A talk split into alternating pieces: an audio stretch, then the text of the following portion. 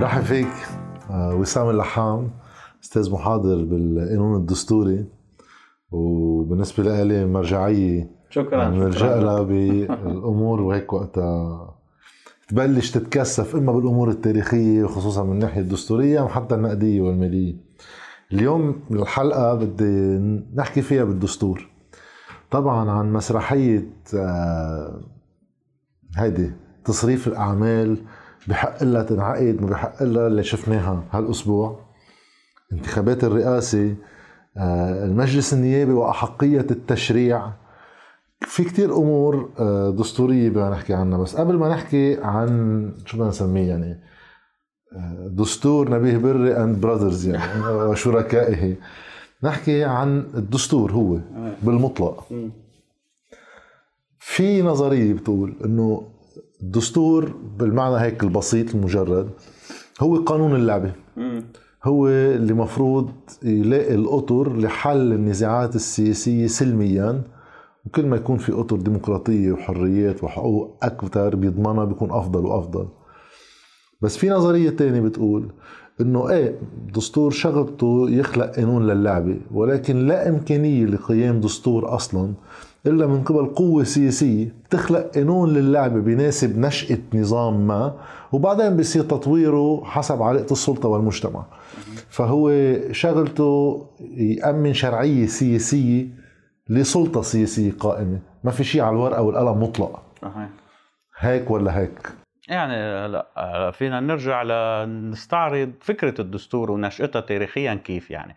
مثلا إذا بتروح بتلاحظ عند أرسطو تعبير لما كان يتم استخدامه constitution كان بمعناتها النظام السياسي بكل بساطة. ما كان في عندهم نص وضعي آه، مؤلف من مواد بسموه دستور. كان هو النظام السياسي هو نسميه نحن الدستور. وحتى عنده كتاب هو La Constitution d'Athènes إنه دستور أثينا. وكان عندها أثينا دستور آه، وضعته سلطة سيدة وناقشوه العالم. لا هو كان النظام السياسي كيف بيشتغل؟ الدستور فكرته حتتطور من آه، من النظام السياسي من بنسميه régime politique. régime politique كان هو تحديدا الدستور لا la constitution normative constitution norme يعني الدستور القانون. صرنا ننظر له كقانون هو أسمى من سائر القوانين يضبط عمل اللعبة السياسية مثل ما حضرتك عم تقول. فهذا صار تحديدا بعد الثورة الفرنسية لما صرنا نشوف إنه الدستور تعبير عن السلطة السيدة. تعبير عن إرادة سياسية معينة. نتجت بعد الثورة هون كانت الشعب أو الأمة هي اللي بتفرض الدستور وبتقدر عبره تنظم المجتمع وتنظم الدولة. ففيها شيء كتير ادعاء إنه السلطة بتقدر عبر إرادتها البحتة تنظم المجتمع تنظم الاجتماع السياسي. بين سنة 300 قبل المسيح و 1789 بهالفترة الدساتير فعليا هي ما يريده الحاكم. صحيح ما فينا حتى نسميها دساتير. يعني ما كان في شرعه أو نص أو أمر بينظم كيفية ممارسة السلطة. كان في أعراف كان في تقاليد. مثلا بالملكية الفرنسية قبل الثورة كان في عندهم شيء اسمه للوا فوندامنتال. ما كانت هاي les lois fondamentales دستور كانت مجموعة من الأعراف يجب أن يتقيد فيها الملك. حتى الملك يجب أن يتقيد فيها. مثلا قانون أنه الوراثة دائما يجب أن تحصر بالذكور. المرأة ممنوع تورث الملكية بفرنسا.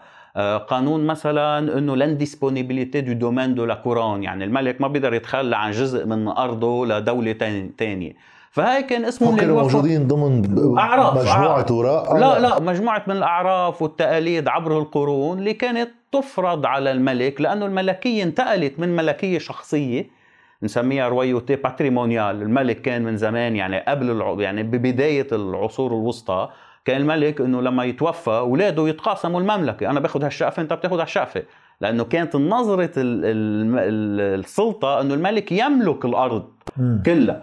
بعدين مع مأسسة السلطة صرنا نشوف إنه لا الموت الملك يعني موت المؤسسة اللي هي الملكية. اللي وراها شو في فكرة؟ فكرة الدولة. إنه الدولة بتضل حتى لو الملك توفى. فالملك لما يموت مش اولاده كل واحد بياخد شقفة من المملكة كوراثة شخصية في المملكة كلها بتكمل كل صلاحيات الملك واختصاصاته لأنه بيمثل فكرة فكرة الملكية بالفرنسية بنسميها لا كورون بتنتقل لشخص هو بشخصه تتجسد الملكية والسلطة السياسية. طيب بال 1215 الماجنا كارتا من آه. عمل تاسيسي كمان لشيء من نظام سياسي يبلش ينحط له قواعد صحيح. بين البارونات والملك. صحيح لأنه كانت وقتها مع Jean sans Terre يعني لأنه فقد كتير أراضي وأملاك بالحروب مع فرنسا.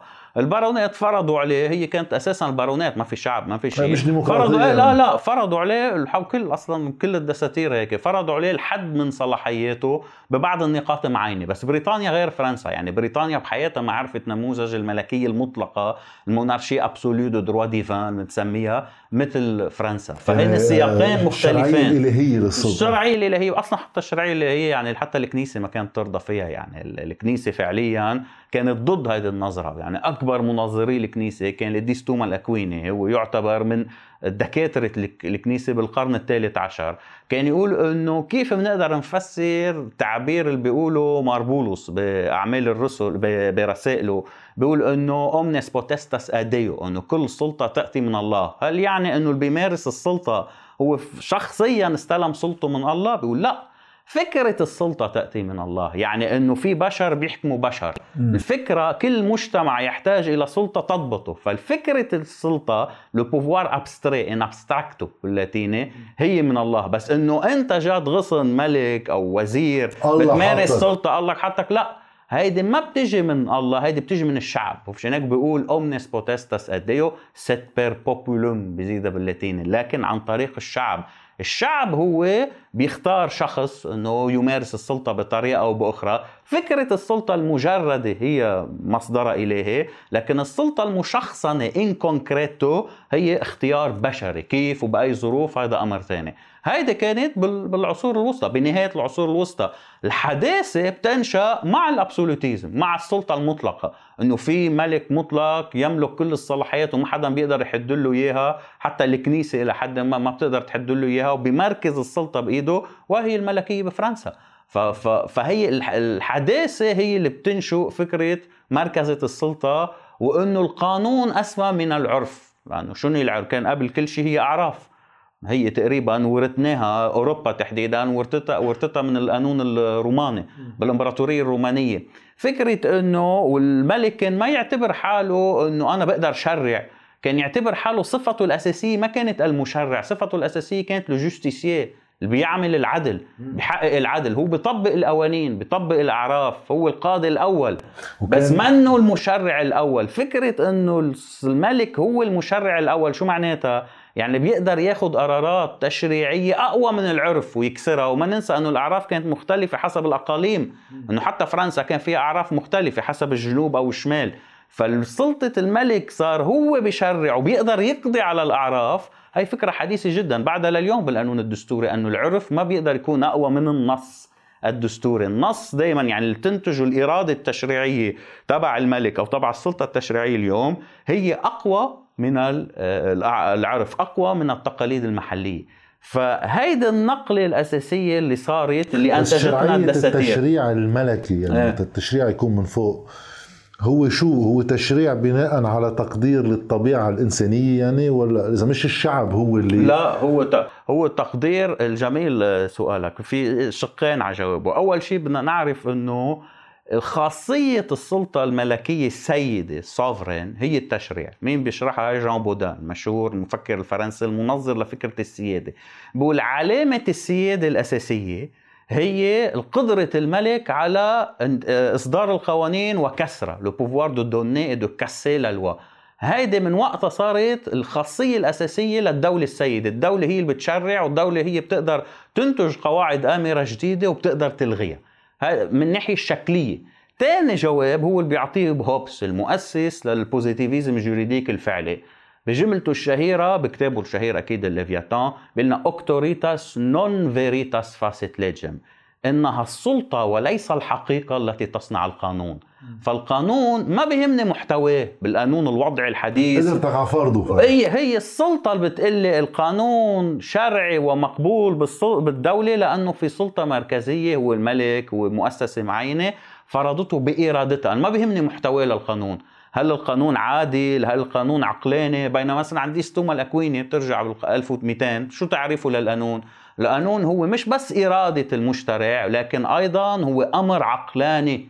فكل أمر كل إرادة للمشترع كل قرار بيتخذه المشترع منه عقلاني منه قانون فالقانون كان دائما تتنازع تعريفه أو الدستور يعني القانون بشكل عام أو الدستور تتنازع تعريفه تعريفين. هل هو مجرد انبثاق عن العقل؟ ريزون. هل هو إنتاج للعقل؟ هل هو أو هو انتاج للإرادة؟ فالحداثه بتقلنا نحن القانون هو إنتاج فقط للإرادة. الإرادة نحن هلأ شنو القانون بلبنان؟ هو النص الذي يقره مجلس النواب ويصدره رئيس الجمهورية وفقا للآلية المحددة في الدستور. هل قلت لك شو في بقلبه للقانون؟ منيح ولا عاطل؟ هذا صار normatif ماشي ماشي ماشي. ده فقط المعيار شكلي فقط. إنه النص الذي أقره مجلس النواب وأصدره رئيس الجمهورية وفقا للاليه المحددة في الدستور. فأنا بقاش بتطلع بمضمون القانون. هل هو عادي؟ لأنه هذا البعد المعياري كان ضد الحداثة. إنه شو أنت فيك تقول لك القانون؟ هذا مش كان في اختلاف بين روسو وهوبز ولوك بفكرة العقد الاجتماعي ومنطلق النظام السياسي هو مين الشركاء فيه وبخدمة مين ومين الآمر فيه؟ هلا شرعية فعليا. صحيح عند لوك الفرق هلا بين هوبس ولوك الفرق الأساسي إنه هوبس تنتقل من الدولة من حالة الطبيعة اللي هي hypothèse يعني. لحالة المدنية حالة الدولة بدك تتخلى عن كل صلاحياتك. بدك تتخلى عن كل شيء كان عندك حقوق وإمكانيات بحالة الطبيعة. بحالة الطبيعة كان فينا أعمل بديه بس كانت حقوقي أو أو امكانياتي كثير بريكير كثير هشة. لأنه حيلا واحد أقوى مني أو أذكى مني بيقدر يقتلني. فبدي أتخلى عن كل شيء والحلو النقطة الأساسية لازم نركز عليها هون تنفهم هوبس فعليا لأنه هذه أنا لما أتخلى عن كل شيء بعمل شرط إنه أنا ما بتخلى عن كل شيء إلا إذا أنت جد كمان بتتخلى عن كل شيء يعني ما فيني أنا أتخلى عن كل شيء وأنت بتترك. فأنا بتخلى عن كل شيء إذا أنت بتتخلى عن كل شيء لكن وهي النقطة الأساسية عند هوبس أنا ما بتخلى لإلك جد أو أنت بتتخلى إلي نحن كشعب بنتخلى لواحد ما بنعرفه ما خصنا فيه سميه X. souverain. souverain. هيدا X اللي هو ال souverain اللي هو في يكون شخص أو في يكون جمعية هيك بيقول لنا هوبس. هيدا الشخص منه جزء بالعقد بيني وبينك وما مضى العقد أنا وياك تخلينا عن كل صلاحياتنا لمين إله. فهو مستفيد من العقد اللي عملته أنا وياك بس منه مرتبط فيه مشان هيك ما بيقدر يخرقه مشان هيك ما بنقدر نثور عليه. ما بنقدر نثور عليه ومنه جزء من العقد أنا ما مضيت العقد معكم. أنتم تخليتوا عن كل صلاحياتكم تا أنا أحفظ الأمن والاستقرار. مشان هيك absolutisme مشان هذا هو ال absolutisme لا أحلى من absolutisme لأن ال absolutisme فينا نقول مصدره الله. وهيدي هينه بننتقدها بسهوله بس هون ال absolutisme تبع هوبس ليه هو الحداثة؟ لأنه مصدره إرادة البشر مصدره وضعاني مصدره كليا وضعيني أنا وياك بنتخلى عن كل شيء لشخص ما له علاقة بال contrat ما مضى ال contrat معنا. وأحلى من هيك هوبس بيقول لنا إنه كل شيء بيعمله ال Léviathan أو ال souverain مش هو عم بيعمله هو أنت عم تعمله. لأن أنت اجزته وفوضته تعمل يعمل كل شيء تيحافظ على الأمن. فكل شيء بيعمله هو هو انت بحتادا عم تعمله فما فيك تثور ضده لأنك عم تثور ضد حالك. هو فكرة بريطانية شوي منيحة. إيه فهيدا عند هوبس. لوك بيقول لك لا إنه أنا تنتقل من حالة الطبيعة لحالة المدنية. مش ضروري أتخلى عن كل شيء في أمور أنا ما بتخلى عنها أنا بس بتخلى عن الجزء الضروري تحافظ على اللي بسميه ال property ال property عند لوك منا الملكية ال property هي الحرية والملكية الاثنين مع بعضهم. فأنا بتخلى عن باقي حقوق الموجودة بالطبيعة اللي هي حق معاقبة الآخر مثلا إذا هذا بس عشان تحتفظ بال property فأنا تخليي عن السلطة مشروط. عشان هيك السلطة اللي أنا بأسسها هي سلطة مشروطة بالهدف والغاية اللي أنا ارتضيتها. عشان هيك هي محدودة. عشان هيك لوك هو مؤسس شو؟ الليبرالية الليبرالية معناتها الأساسي أن السلطة السياسية هي محدودة موجودة من أجل غاية. ومشان هيك بيقدر عند لوك واحد يثور عليها للسلطة إذا إذا كانت ظالمة. فالدستور بمعناه الحديث هو هيدا نتيجة الإرادة. نتيجة سلطة مركزية سيدة هي شخص أو هي الشعب أو الأمة مع الثورات الديمقراطية اللي بيقدر يفرض شيء اللي بنسميه الدستور على المجتمع. فبتلاحظ هذا الدستور بشكل معنى كتير عام وهو أصلا فيه آه، نقطتين فلسفيتين الدستور يعني هلا مش فينا نتوسع فيهم كتير بس كل دستور بالعالم بده يجاوب على سؤالين. سؤال الأول هو علاقة الدولة بالأمة. يعني شنو الدولة؟ هي تعريف تبع أديمار اسمها إنه هي الأداة القانونية اللي بتستخدمها الأمة لتحقيق مصالحها والحفاظ على مجتمعها وتحقيق ذاتها. هو مجرد أداة قانونية الدولة بتستخدمها الأمة ناسيون الناسيون هي الفرنساوية عندهم أداة اسمها الدولة الفرنساوية. مشان هيك بتلاحظ إنه بت... فكرة مودرنيست كثير إيه قصة الأمة هي مشان هيك الدستور هو أداة للأمة. ما فينا بقى نفصل دستور عن الأمة مثل ما كنا نعمل أيام اليونان وقبل. هلأ صار الدستور هو أداة السلطة السيدة اللي بيستخدمها عبر إنشاء دولة لإنشاء انتظام سياسي معين لتحقيق مصالحها والدفاع عن ذاتها. مشان هيك الأمة أو المجتمع المتعدد القوميات والأمم اللي عنده مشكلة حينعكس الأمر على دولته اللي هي الأداة. من هون الدولة الفيدرالية الديمقراطية التوافقية. بس علما إنه كمان في واحد يجي يقول إنه الأمة هي صناعة. كمان 100% صناعة. هي صناعة إذا بناخذ آه، نتوسع هلا. إذا بناخذ مثلا بنديكت أندرسون أو إرنست جالنير خبرنا بنديكت أندرسون إنه الأمة هي متخيل. Imaginary. Imaginary مش يعني مخترع. انتبه هذه النقطة. لأنه المخترع في نقول آه لكن في أمة حقيقية بوجهها في أمة مصطنعة. ولا عم بيقول لنا هي أمة مخت... متخيلة. ليش؟ لأنه ما حدا أنا بقول لك أنا لبناني. هلا أنا شفت كل اللبنانية بحياتي. ما حدا لاقى أو التقى بكل الأفراد اللي بيسموا حالهم لبنانية. بس الأمة بتصير إمكانية مع الحداثة مع بروز وسائل وتقنيات بتستخدمها السلطة المركزية تتخلق عندي إحساس أنه أنا أنتمي لأمة شو هن بيعددهم يعني بنديكت أندرسون. جميلين جدا. عد معي الإحصاء. تمام. وسيلة جديدة. أنا بعمل recensement لل population مش هيك بكل الدول. مشان هيك أنا بقول. لك أنا فرد من جزء من مجموعة من ساريه والإحصاء ما هدفه كان يصير إحصاءات بالعصور الوسطى وهيك بس كان هدفها شو؟ الضرائب وسلاح إنه جمع سلاح إعداد جيش فرض ضرائب. هلأ صار إحصاء ما له علاقة بهيك شيء صار أنا بحس حالي جزء من مجموعة متكاملة من البشر متساوية اسمهم لبنانية واسمهم فرنسية. ثاني وسيلة مثلا عملتها الدولة الحديثة الخريطة. الخريطة بمعناها الحديث قبل واحد ما كان يعرف وين بتبلش الدولة وين بتخلص يعني وين كانت تبلش مملكة فرنسا بالعصور الوسطى. وين كان وين ببلش السلطنه العثمانية وبتخلص؟ ما حدا بيعرف. إنه في بنعرف إنه هون بخف النفوذ. بس هل في حدود délimitées واضحة بين دولتين؟ لا.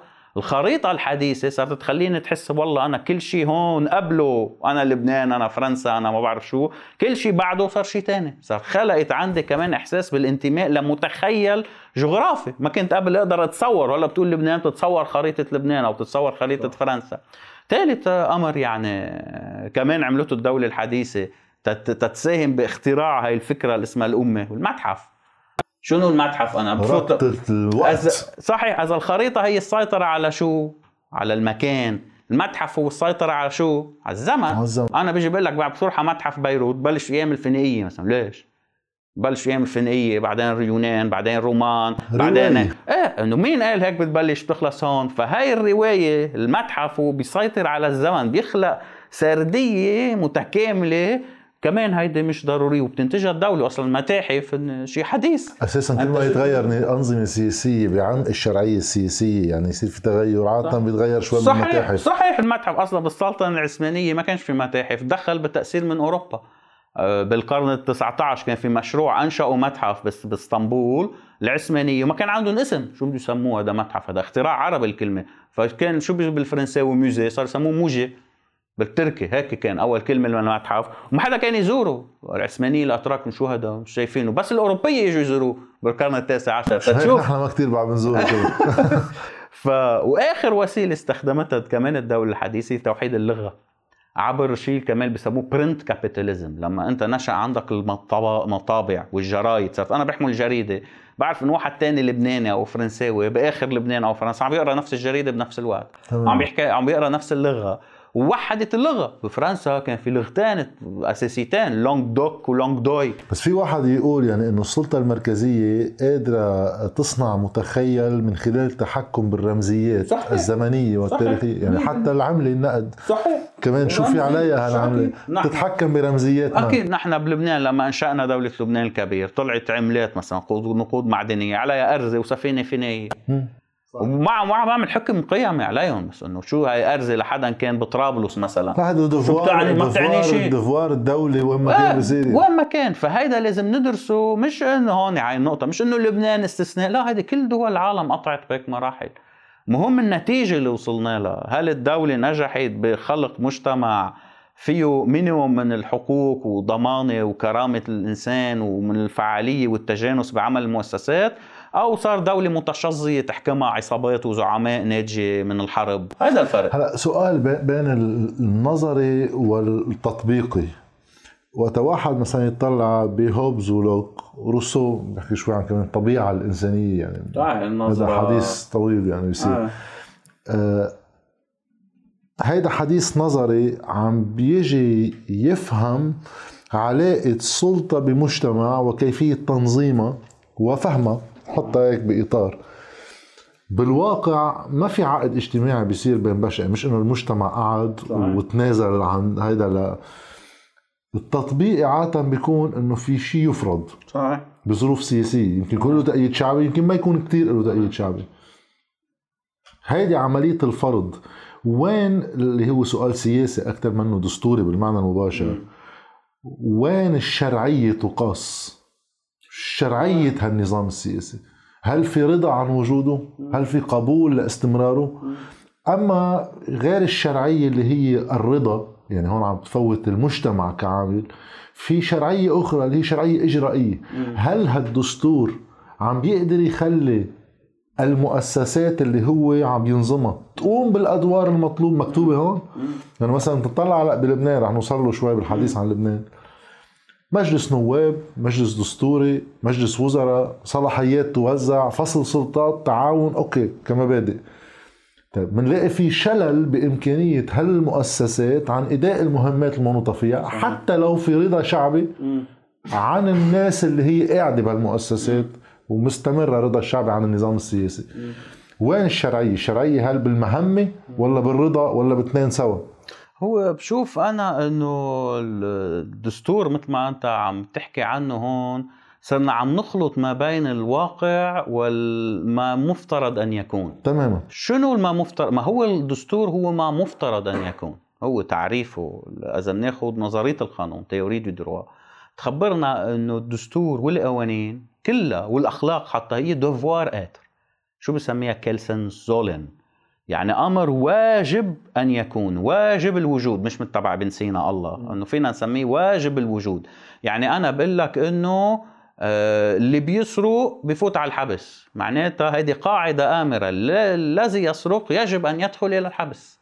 فواجب الوجود هو شيء والحقيقة السياسية اللي هي اللي عم تحكي عنها الأشخاص المسيطرين على المؤسسات هي شو بنسميها نحن بنسميها الوجود. عند كيلسن sein. بنعمل فرق بين devoir être و être. هي être. هي حقيقة على الأرض.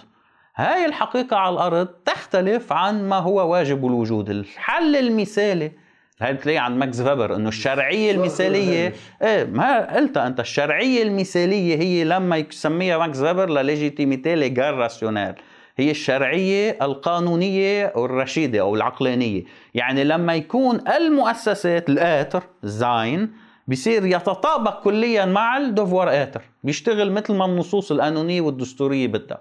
كل دول العالم ما في تطابق كامل بيناتها بس كل دول العالم الهامش يختلف يضيق ويتسع حسب مدى فعالية المؤسسات الدستورية اللي عم تشتغل بالدولة. بلبنان الهامش ضخم لدرجة كبيرة إنه فينا نقول إنه الدستور بيته معطل.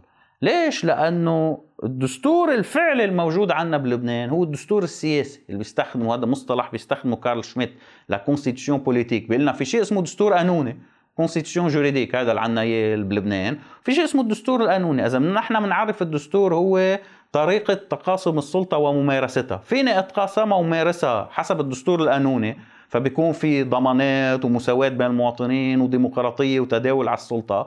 وفينا أمارس السلطة بحسب الدستور السياسي يعني التقاسم الفعلي للسلطة. كيف التقاسم الفعلي للسلطة بلبنان؟ هو مجموعة من الزعماء كل واحد مسيطر على جزء من الدولة. إنه معقول يوصلك الخلاصات شوي معقول تكون متناقضة. مثل؟ يعني توسيع الهامش بين النص والممارسة معقول توصل لخلاصة إنه هيدا بيزيد المخاطر ضمن مجتمع ما؟ لأن هيدا النص اجى مع بظرف سياسي ليخلق ضمانات. صحيح. الإخلال فيها مفروض يخلق ردة فعل. ردة فعل امام مزيد من المخاطر. بس في نظرية تانية معقول تقول ما هو ما كان وسع الهامش إلا لأنه تطبيق هالضمانات القديمة صارت بتخلق هي مخاطر. فمنوسعها بالممارسة تنحد من المخاطر على حساب فعالية السلطة وفعالية المؤسسات. إيه بس بضل هو كل دستور هو تعبير بالنهاية عن توازن ما بقلب المجتمع. يعني المجتمع اللي بالنهاية اللي بيرتضي مثل بلبنان نتيجة الحرب الأهلية اللي صار فينا ارتضينا حيلا سلطة سياسية بعد التسعين. فنحن عندنا مجتمع أصيب بصميمه بسبب هذه الحرب السياسية. يعني فقد أدواته والمناعة اللي بتسمح له يعارض السلطة. وهي ما بلشت وما رجعت ظهرت إلا ب 17 تشرين. هيدي اللحظة يعني اللي كانت استثنائية إلى حد ما. كيف شافوها الزعماء؟ شافوها أنه هن معودين ما حدا يحاسبهم ما حدا يقول لهم إنه أنتم ليش تصرفتوا هيك؟ ليش هيك عم تتصرفوا بمؤسسات الدولة؟ فهيدي اللحظة كانت وسيلة للمجتمع تيستعيد هذا الانتظام اللي عم نحكي عنه واللي هي قالت إلى الفشل. بس هو وهي كتير موجودة بخلفية الزعماء اللاقطين النظام السياسي بلبنان بتلاحظ إنه الطريقة اللي بيحكوا فيها إنه كانوا الدستور والقانون معمولين للعالم مش لإلهم. يعني هذا بتطبق على العالم مش لإلهم. هي بتلاحظها كأيام بجمل هيك تحديدا بيقول نبيه بري مثلا إنه إذا هو بيعرف إنه آه، الوزراء تبعوا له مسؤولين عن انفجار المرفأ بيسحبهم من تختهم بياخذهم على التحقيق. وانت ما حدا طالب منك تعمل هيك. انت موافقتك مش مطلوبة. بس هو عم بيقول إنه بيقطع عبري.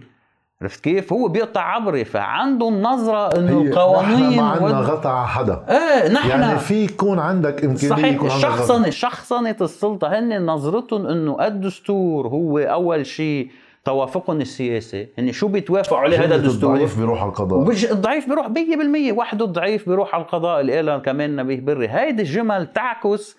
أنا ما بعتبر شخص بيعرف معناتها تداعياتها بيقولها لأنه هي بدينه هو عم بيقولها عن جد لأنه صار معتبر لدرجة إنه مثل الملكيات القديمة إنه السلطة أعلى من القوانين. هذا هو تعريف السيد. بدينه بتنظيم سياسي آه، الحقوق فيها صحيح. موجودة. صحيح. أما إذا القوة هي المعيار عم صحيح. بيأكد قوته. صحيح. فهو اللي عم بيقوله إيه بس ما هو كمان عنده خطاب إنه أنا بحافظ على الدستور والدولة. عنده هذا الخطاب. طبعا. بس إقول لك إنه هو هذا بتحسه بتعكس الانكونشس تبعه. إنه الدستور والقوانين معمولة للتطبيق على المحكومين. مش على الحاكمين. فهيدي نظرة تحديدا نظرة الرعية موجودة. إيه إيه إنه على الملكيات القديمة إنه القانون هو الملك هو أسمى من القانون. ما بعدنا عم نقول سلطة السيد هي إنه من علامات سلطة السيادة هي كسر القانون وصنع قانون جديد. بس نحن عنا السلطة السياسية بلبنان نظرتها هي إنه القوانين والدستور هي تطبق على العالم مش علينا. بس حتى مفهوم الأم اللي كنت عم تحكي عنه بالرمزيات التي يجب مشاركة بصناعتها يعني. المؤسسات الحزبية اللي بتاخد شرعية طائفية وتتصيغ خطابها مع الناس بتشتغل عليهم كلهم. تعمل متاحفها تعمل اعلامها يعني, يعني من القصص تعمل دولة تعمل دولة بالمعنى بالمعنى السيء للكلمة. لأنه تماما. إيه. لأنه بالنهاية هذه منا دول فعليا هيدي هيدي مؤسسات عم يحتكرها زعيم. وجودها أساسا نتيجة ضعف يعني الدولة وتركها اللي معقول تمنع بهيك شغلة إنه يجي قانون يشيل الأعلام والرموز إيه. السياسية من الأماكن العامة. صحيح. بده يبقى في عالم اذا على فكرة يعني بالحرب الأهلية كنت تعمل هيدي قتله بين الناس. حروب العالمين تبع فريق سياسي. أنت عم تسيطر على منطقة صحيح. جغرافية. صحيح. عم تفرجي بالرمزية. سيطرة على المكان ما قلنا لك. نحن عندنا النظام السياسي الحالي عنده سيطرة على المكان عبر كل واحد عنده ميليشته أو جماعته المسلحة اللي بتقدر بحال وقت ترجع تنتشر. بالمناطق اللي كانت مسيطر عليها خلال الحرب دغري بيرجعوا والسيطرة على الزمن عبر السيطرة على الذاكرة هن مسيطرين على ذاكرتنا. هن بينتجوا خطاب الحرب هن بينجوا بخبرونا إنه نحن تصالحنا ما حدا تصالح هن هن الزعماء إنه بيتصالحوا. بيخبروك نحن آه مين؟ إيه إنه هن نحن هلا نحن نحن عندنا الخطاب بلبنان مرمز. بالخطاب العام كودي. فبيقول نبيه بري أو ميشيل عون بيقول نحن وهن. ما بيقول مسيحية وإسلام وسنة وشيعة بس كلنا بنعرفها إيه بيرتي. كلها معروف. ما هو الخطاب مرمز. أصلا بتلاحظوا بمجلس النواب كيف بيحكوا. كل بيعرف إنه واحد لما يقول كل الادماء عم بيكون ببيروت وكسروان محرومة. شو فهمت؟ مسيحية فهيدا خطاب هيدي سلطه خطابها هو قائم على التحريض الطائفي.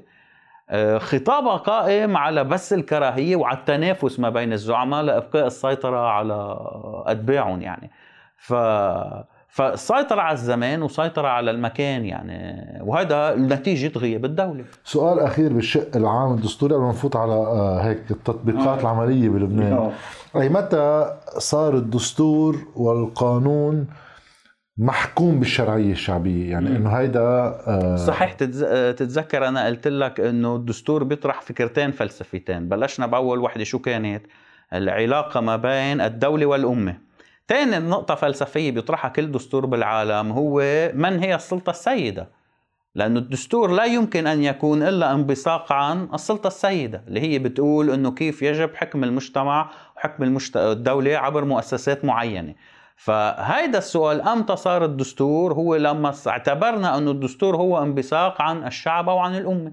في نظريتين سيادة الشعب وسيادة الأمة souveraineté nationale souveraineté populaire لكن نعتبر أنه الدستور هو النص التأسيسي أو القاعدة الآمرة التأسيسية التي يرتضيها الشعب أو التي ترتضيها الأمة. وبتنظم حالها عبره لكن مشكلة الدستور هون تحديدا بهذه النقطة شو هي؟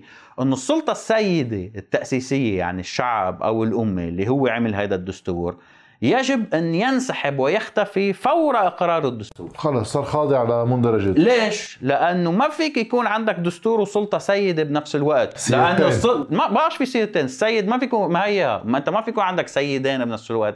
السياده هي indivisible هذا من المبادئ الأساسية. يعني لو كانت كثير إنه moderniste يعني. السياده هي indivisible فأنت صعب المصدر السيادة. إذا عمل دستور إرادته يجب أن تختفي. ما فيها تضل فعلي. إذا هو بالدستور. إذا هو قال مثلا بده يقول شيء إذا بعده موجود الدستور ما له طعمة. لأنه هذا أي حال شيء بيقوله بيكون أسمى من الدستور لأنه هو السلطة السيدة. عشان هيك هي الأبورية يعني هي التناقض تبع كل الدول الحديثة. السلطة السيدة لا يمكن أن توجد إلا بلحظة إقرار الدستور. بعدين عليها أن تختفي. ويمكن استدعائها مجددا لتعديل الدستور أو وضع دستور جديد. بعدين بدها تختفي. على كل حال هو باستثناء تعديل الدستور اللي عبر ممثلي الشعب في له شروط يصير فأنت صحيح. معتبر في آلية ما. صحيح. تغيير الدساتير عادة بصير بانطفاء بحدث سياسي صحيح. في قطع مع مرحلة سابقة. مشان هيك أصلا الدستور هي بيقولوها يعني قبل بالعصور الوسطى كان في شيء اسمه théorie de la résistance. نظرية المقاومة أو رفض الظلم أو رفض الاستبداد. كان في كتير مفكرين بين بيناتهم نرجع قديس توما الأكويني. بيقول إنه إذا كان في ظلم كتير الشعب بيقدر يثور حتى بيقدر يقتل الطاغية. اللي اسمها doctrine du tyrannicide قتل الطاغية. هيدي كلها حتروح. théorie de la résistance القدرة على مقاومة السلطة الجائرة كله بيروح أمتى؟ مع بروز الدولة الحديثة والدستور. بقاش له طعم théorie de la résistance إذا في دستور. إذا في مؤسسات بتتخلي إنه حال تغيير للسلطة يجب أن يتم عبر المؤسسات. فهي أكثر شيء بشرحها كارل شميت إنه كيف هيدي استبدلت انتهت ال théorie de la résistance وإجت محلها فكرة الدستور. ف فالدستور والقانون بشكل عام بيجعل إنه كل ثورة فعلية هي أصلا غير دستورية وغير قانونية. تماما. يعني هيدي طريقة تتحصن فيها سلطة الدولة الحديثة يعني.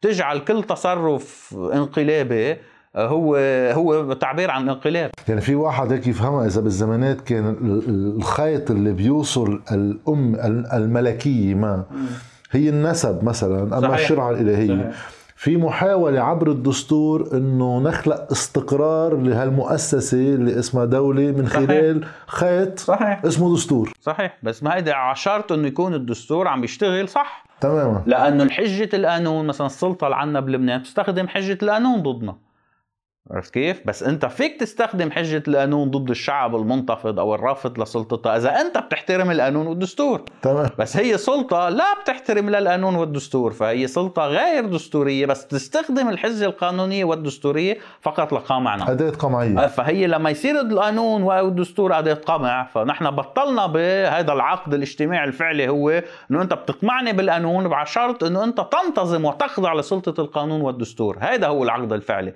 نحن باش عنا هي هذا العقد لأنه السلطة تستخدم الحجة القانونية وهي مصص تكتيك يعني.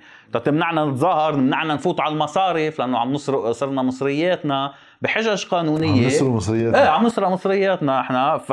فبس بشكل عام هن ما بيحترموا القانون هن ما بيحترموا الدستور. فيهم هن يسرقوا إيه هن فيهم يعملوا. بنرجع لكان للفكرة إنه القانون والدستور معمول فقط لل محكومين مش للحاكمين. رح أوصل على لبنان. آه. رح ننتقل على الشق اللبناني بس بسؤال تمهيدي. لأنه هيدي قصة الخبير الدستوري. في منها كثير على التلفزيونات إيه، كل حزب عنده خبيره. آه. يعني كل واحد كمان عنده خبيره. في ناس بتقول إنه متى وجد دستور ما متى وجد نظام سياسي ما آه القانونيين بالمطلق اللي كتير بيشتغلوا بنص الحرفي للقانون فيهم يصيروا الإكليروس تبع النظام. صحيح. هو حرسة الهيكل. صحيح.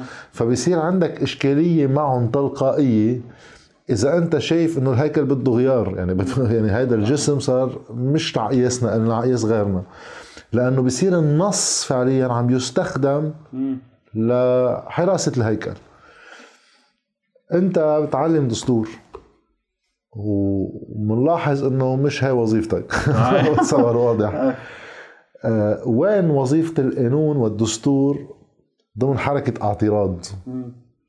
صحيح سؤال جميل جدا. يعني في دستوريين وأنا كمان تلاحظ في وسائل إعلام حتى عالمية صارت ترفض تستخدم تعبير خبير دستوري. صارت تقول حط لقبه للواحد. يعني هذا يا أستاذ قانون دستوري يا مشي. أيه. فبده يعطي لقبه واحد شو خبير دستوري؟ هيك للبداية. فهن إيه عم بيلعبوا دور الليجيست اللي كانوا موجودين بالعصور الوسطى اللي كان هدفه كله ايجاد تسويغ وتشريع قانوني للسلطة السياسية. مشان هيك دائما بتلاحظ في علاقة عضوية ما بين السلطة السياسية والقانون. وهيدي موجودة مش بس بالأنظمة الوضعية حتى موجودة بالأديان يعني ما بين فقهاء الإسلام والخلفاء. الفقهاء كانوا ينتجوا آه، تبريرات بتبرر سلطة الخليفة أو سلطة من يتولى زمام الأمور ومقابل هيدا الشيء الخليفة أو السلطان بشرعن لهم وبيدافع عن مصالحهم. لهي طبقة الفقهاء في المجتمع. مرتبة اجتماعية فبصيروا مرتبة اجتماعية منفصلة بتدعم السلطة السياسية بنظرياتها الشرعية أنت سلطتك شرعية. وبمقابلها السلطة السياسية بتعطيهم المكانة والوجاهة والإمكانيات وبتحافظ لهم على نفوذهم بقلب المجتمع. فنحن عنا هيدا الدور كمان بس بشكل معلمن ما بين السلطة السياسية وما بين القانونيين البحت. بس هو القانون أساسا وجد والدستور هو أداة للدفاع عن المجتمع وأداة للدفاع عن المهمشين وأداة لحماية الصالح العام. هذا هو هدفه الأساسي. فنحن ما بنقدر نقبل يكون في عنا دستور هدفه الدفاع عن السلطة السياسية. شو ما تعمل هذه السلطة السياسية؟ مشان هيك هدول الدستوريين التقنيين ما بيعرفوا أصلا لا تاريخ الممارسة السياسية ولا بيعرفوا النظريات الفلسفية اللي كنا عم نحكي عنها ولا بيعرفوا كيف الممارسة للدستور تطورت وكيف انقرضوا من دولة لثانيه إيه وإذا بيعرفوها بيكون أكيد عندهم قدرة يتجاهلوها خدمة تسويغا لمصلحة السلطة السياسية. فهي بالآخر خيار. يعني خيار لازم يعمله الإنسان اللي بيقدر يشوف إنه لا الدستور هو وجوده الأساسي للحد من صلاحيات السلطة ولا خلق إطار معين يضمن حقوق الإنسان وكرامته. نحن عايشين بمجتمع بده تنظيم هذا التنظيم بالعصر الحديث ما بيتم إلا بالأداة قانونية وضعية. أسمى أداة قانونية وضعية هي الدستور. بكل بساطة فنحن يجب دائما حتى لو هن ما بيطبقوا الدستور حتى لو عم بيخرقوه يجب أن ننتج معرفة مضادة. ما نكرر هن التعابير ولا المصطلحات سجلاتهم وسجلات هن بيخلقوا الأزمة آه، بيكون هدفها سياسي كله. بيخلقوا أزمة. بيعطوا تعابير دستورية لها تشريع ضرورة أو ميثاقية كلها مش موجودة. وبصير الاعلام يكررها. الإعلام بصير يكرر خطاب السلطة. وبصير نحن ننقسم على التعابير والمصطلحات اللي عم تنشأ السلطة والسلطة هي بينها وبين بعض عم يضحكوا بيضحكوا علينا. هن عم بينشئ عم بينشئوا هو التعابير وعم بيفرضوها علينا كأدبيات والإعلام والصحافة عم بتكررها. بلش من هون. أنا آه بالكتاب اللي آه عملته مع المفكره القانونيه تصريف الأعمال من الموجب الدستوري إلى الاعتباطية السياسية. بتفصل فيه كل قصة آه تصريف الأعمال. صحيح. اللي مفروض تكون شيء كتير استثنائي كتير ظرفي يعني المفروض تكون قصة 20 يوم شهر. عنا معقول تصير سنتين وسنة ونص وسنة. ومع هالإطالة بنخلق أخبار. رح نبلش بهيدا الشق لأنه هالأسبوع بنبلش بالتنين. صحيح. مشكلة المجلس الوزراء الخميس عنا انتخاب الرئيس. هلا نرجع نحكي عن انتخابات الرئيس. في فريق سياسي بالبلد عم بيقول ممنوع الحكومة تجتمع بفترة تصريف الأعمال. لأنه تصريف الأعمال بالمعنى الضيق يعني امم إيه من اهم شيء يعني. وفي فريق تاني بيقول إنه إيه ما بتجتمع الحكومة إلا بالضرورة القصوى. لأنه في أمور ملحة.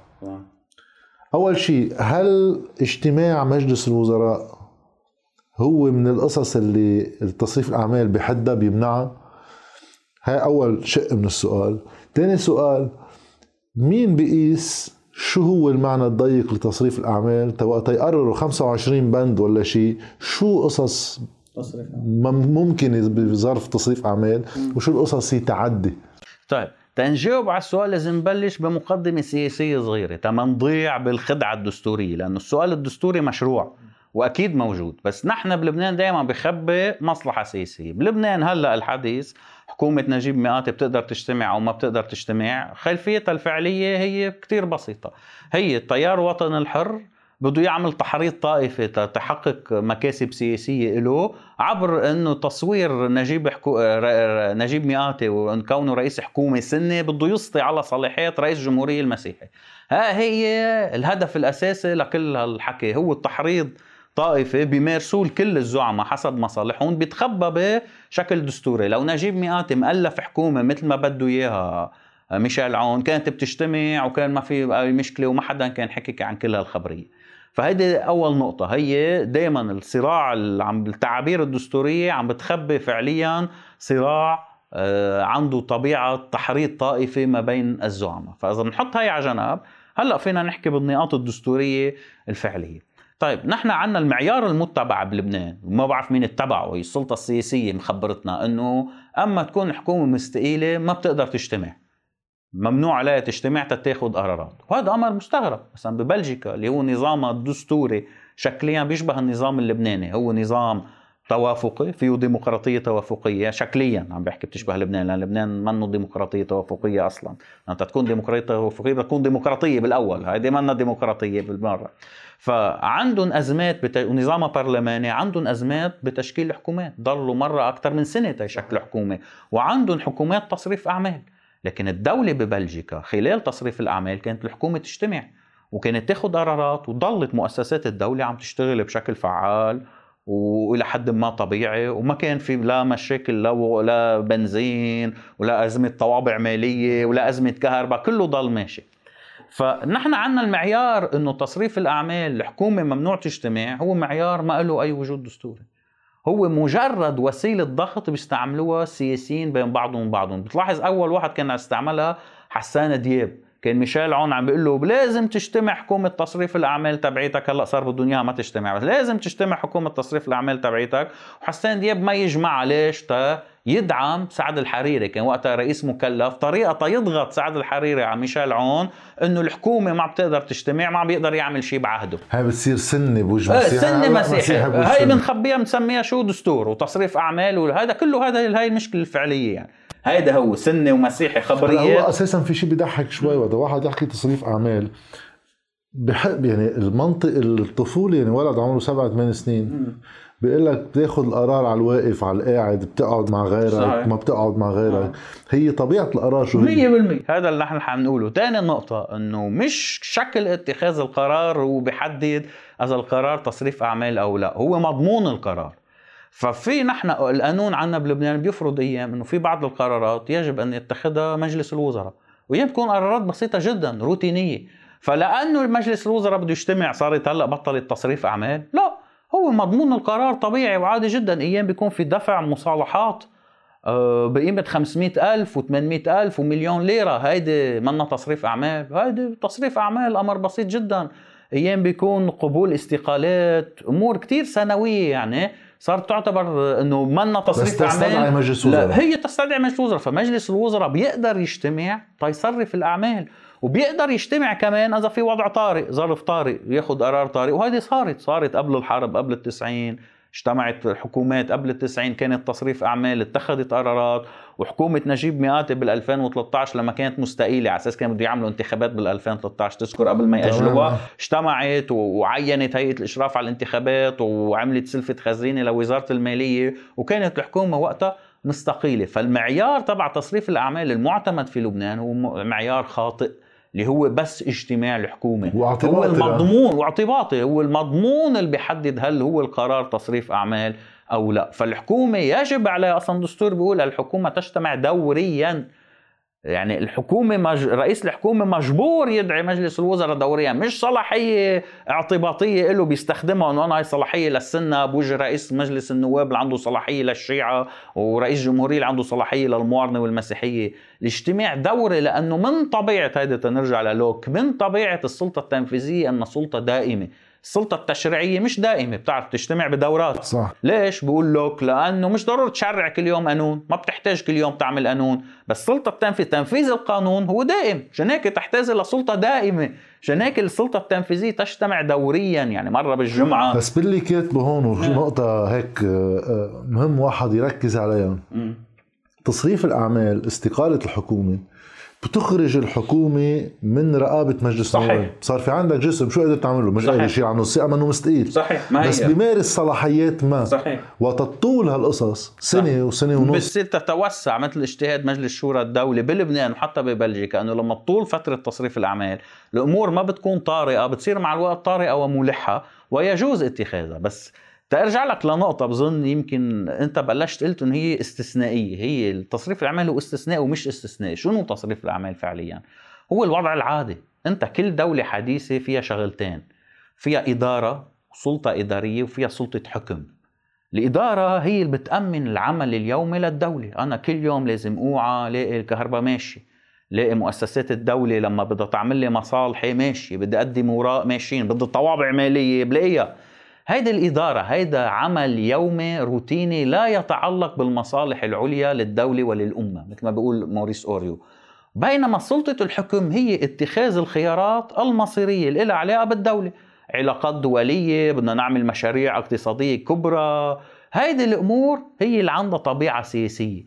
ففعليا الشيء الاستثنائي هو السياسة مش الإدارة، الإدارة هو الشيء اليومي هذا دائما بده يكون موجود. السياسة. إيه السياسة هي الشيء الاستثنائي، استثناء مش معنى إنه شيء خطير، شيء إنه أنا بدي أقرر آخذ في قرار خيارات. في خيارات، الخيارات هي دائما سياسية وهي دائما بطبيعتها استثنائية، أنا بدي آخذ خيار والصراع السياسي والانتخابات كلها بتتم هون. فأنت بتلاحظ إنه عنا بلبنان شو في؟ عنا الإدارة اللي هي اللي بتهتم بتصريف الاعمال معطله ض- نخيرها الفساد وما عم تقدر تأمن أي من متطلبات وحاجات الحيوية للبنانيين ال- الجامعات مقفلة المدارس ما عم تشتغل لا كهرباء مي ما في. في مشاكل كتير كبيرة بالإدارة. فتصريف الأعمال الفعلي من هون اللي بيهتم بمصالح اللبنانيين اليومية هو معطل. والسياسة بمعناها إنه تحديد خيارات الدولة. يا عمي أنا بدي أعمل capital control ولا لا؟ كمان مين. بده يتحمل الخسائر؟ كيف بدي حل مشكلة الكهرباء؟ كمان مش موجودة. شوف شو عنا نحن؟ إذا لا إدارة فيه ولا السياسة بمعناها مش بمعناها البشع اللبناني بمعناها الفكري ما في شو عنا؟ عنا سلطة. في محاصصة. سلطة.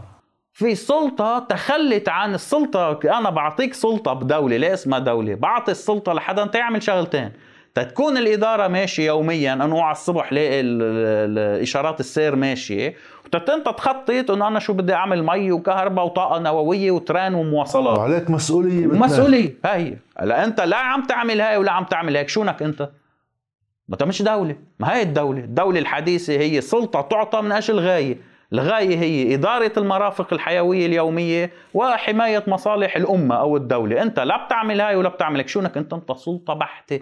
أنت بس موجود للسلطة من دون مسؤولياتها أنت ما بدك أي من مسؤوليات السلطة أنت بدك سلطة فقط. عشان هيك الموجود عندنا بلبنان هذا مش دولة.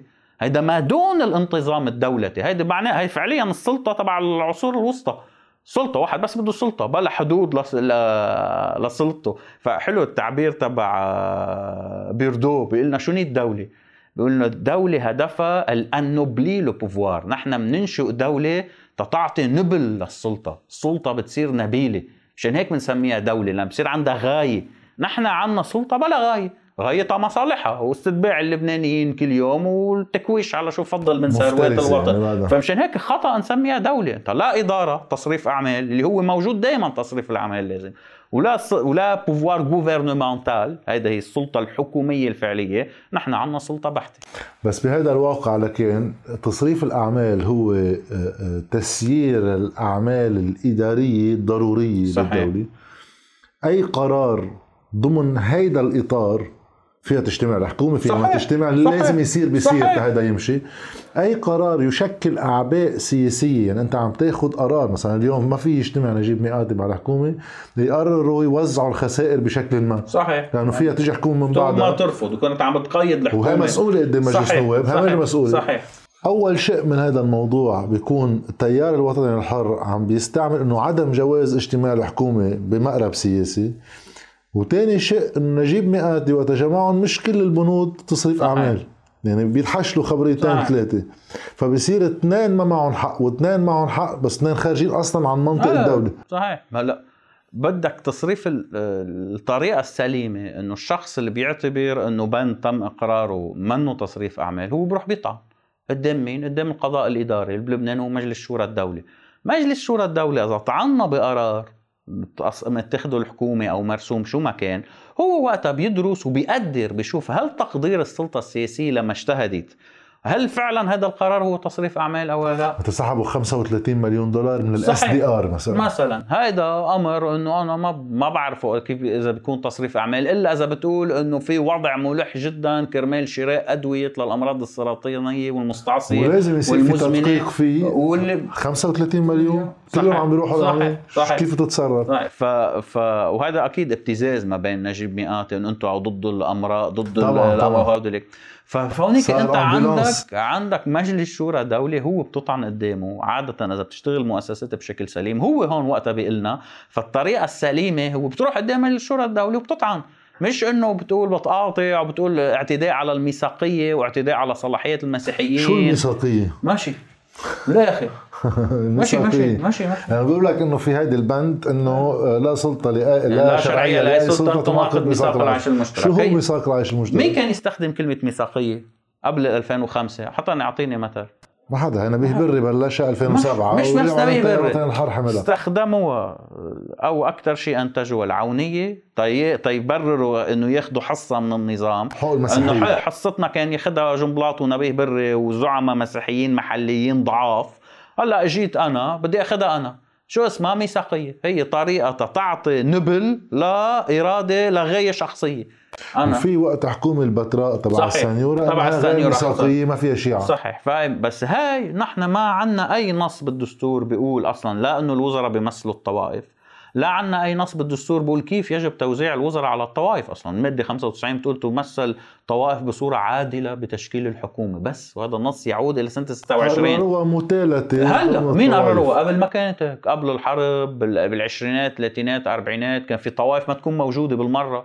كان في ما أصلاً- في مناصفة أصلا, أصلا بين المسيحيين. إذا ماني غلطان صحيح بحكومة يعني نجيب مئاتي ولا نجيب مئاتي نجيب مئات تخلى وقتها عن ما عاد شيعي زاد واحد سنة. فشو بنستنتج؟ بنستنتج إنه هن لما يتوافقوا على أمر كله بيمشي. لما يختلفوا على أمر كله بيتعطل. فهن بيسموا ميثاقيه هو شو توافقهم.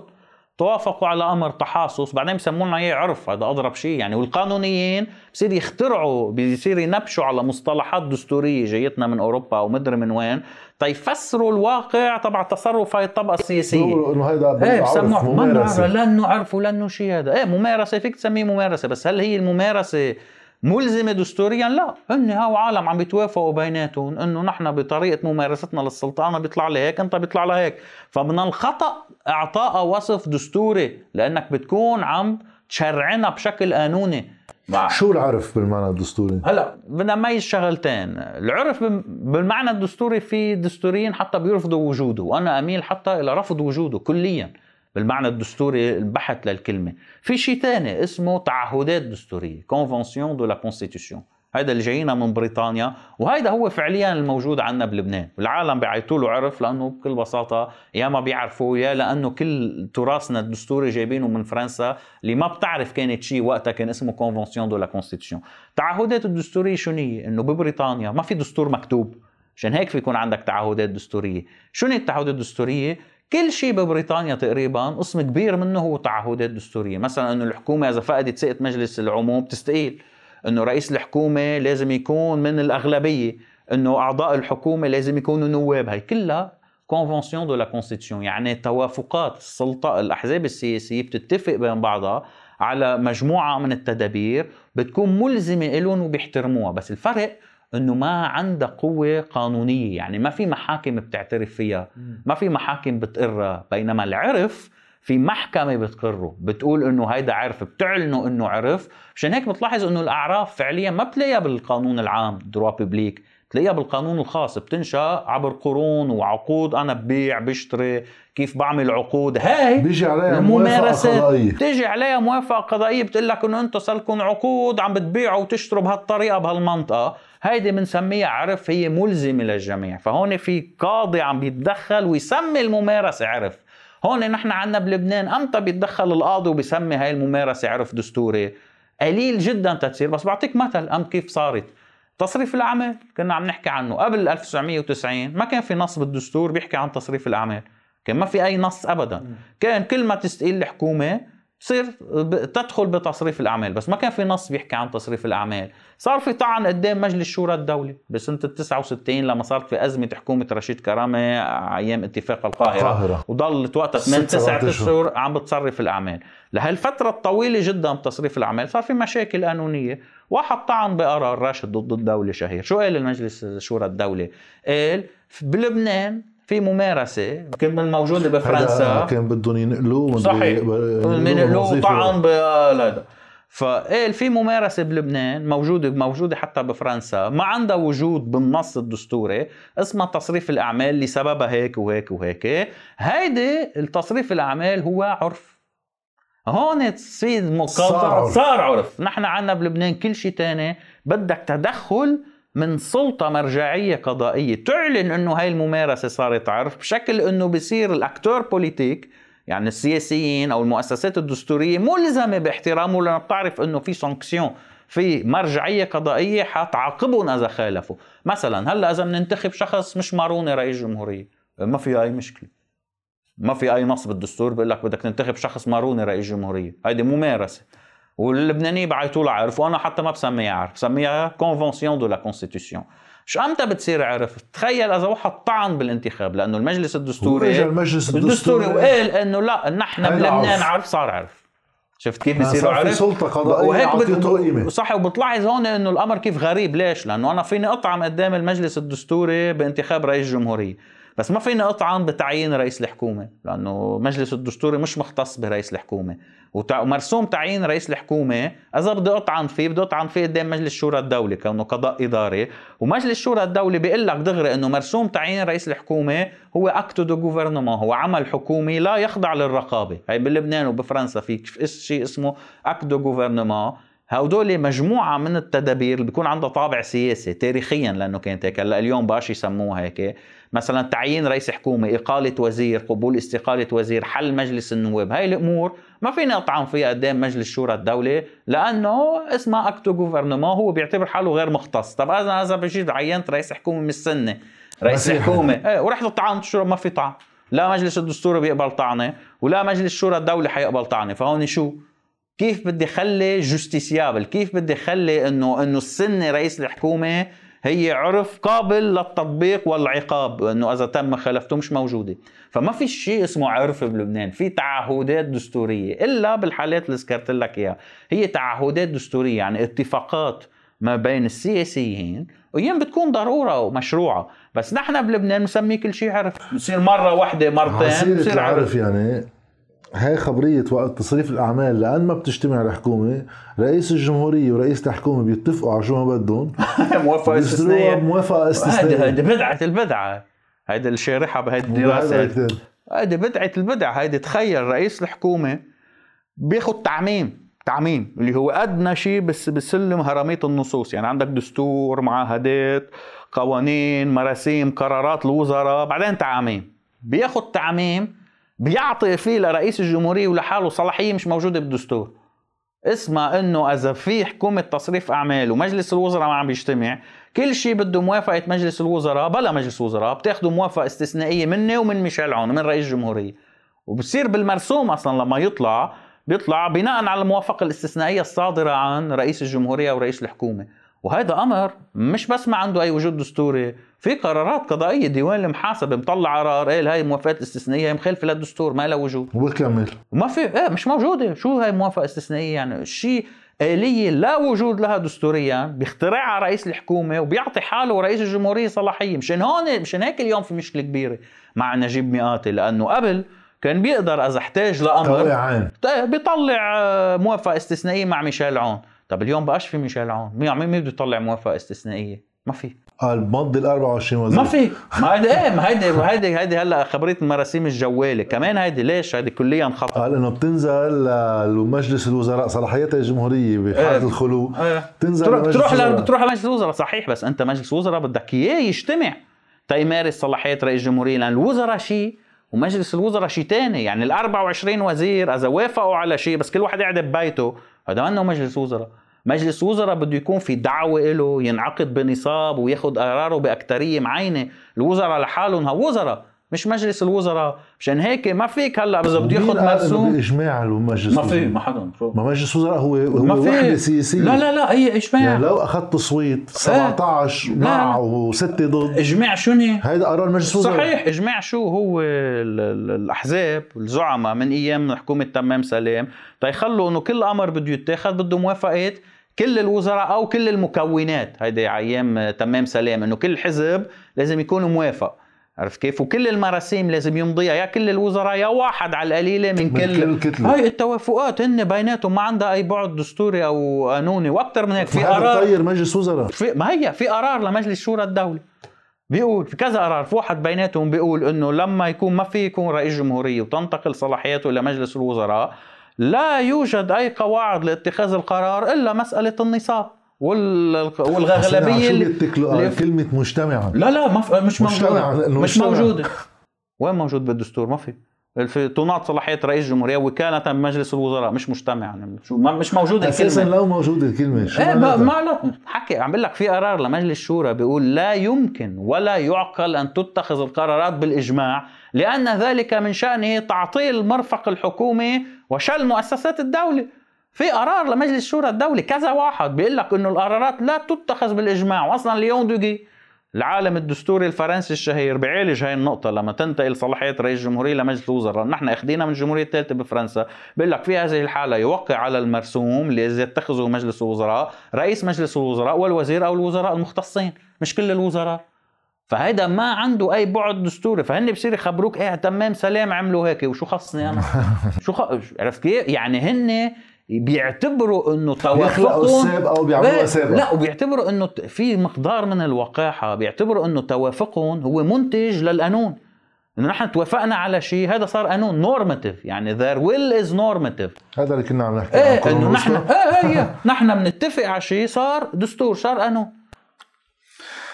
من بعد هاي العصفورية اللي خاصة بتصريف الأعمال في عصفورية تانية خاصة. بآليات انتخاب الرئيس. هذيك أحلى عصفورية. هذيك غير شكل. كمان آه، لك آه، مقالات ودراسة على الموضوع. من المعنى الدستوري قصة النصاب هلا في شيء فائع. ما بده كتير شرح. هي قصة إنه رئيس مجلس النواب كل مرة بيرجع على الدورة الأولى آه. يعني هي ما بتخلص الدورة آه الأولى دورة نهائية أبدية والحلو إنه بيعملوا مسرحية الدورة آه. الأولى وبيفلوا على الدورة الثانية بنرجع صحيح. جماعة الجيم نعمل دورة صحيح، أولى صحيح.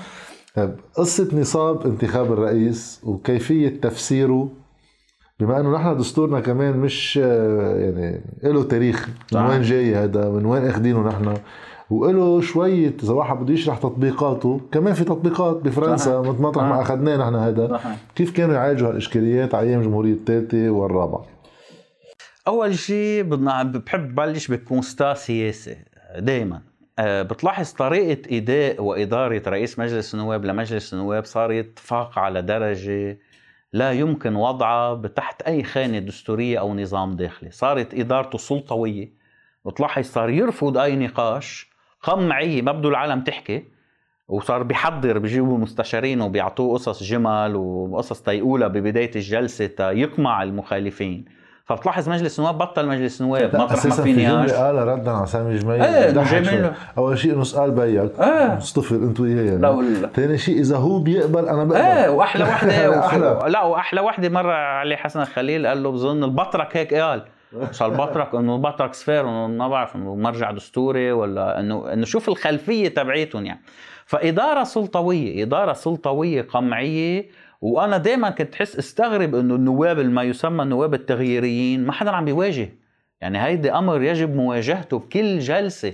مش إنه تترك نبيه بري ياخذ قرارات وبيتم فرضها على النواب منهم تواطؤا ومنهم جهلا ما في الأمور. لمراجعة عن مجلس الدستوري لا بهيك الأمور ما فينا إلا إذا طعنا بنتيجة الانتخاب. يعني هلأ لو ما طلع انتخاب نتيجة الدورة إيه، الأولى. نتيجة الدورة الأولى. رحنا نطعن عن مجلس الدستوري إيه،. لازم يجب طعن. قدام هو بيقول مجلس الدستوري إذا كان عنده القدرة والمعرفة والاستقلالية إنه يحسم هيدي النقطة. فهي لازم نبلش هيك إنه فعليا هيدا منه مجلس نواب. طريقة إدارته. أنا دائما بستذكر شغلة خيالية يعني. شنو؟ وقت انتخاب ميشيل سليمان آه مخالف للدستور. الزلمة كان لازم يستقيل يمكن قبل بست أشهر. صحيح. لأنه هو قائد جيش. سنتين سنتين. وقت إجوا على الجلسة طلع حسين الحسيني. قال له مخالف. اجى قال إنه طالما الكل قبلان وكذا خلينا نحضر تعديل على الدستور. تنسمع بس شكليا نحترم. عيب يعني.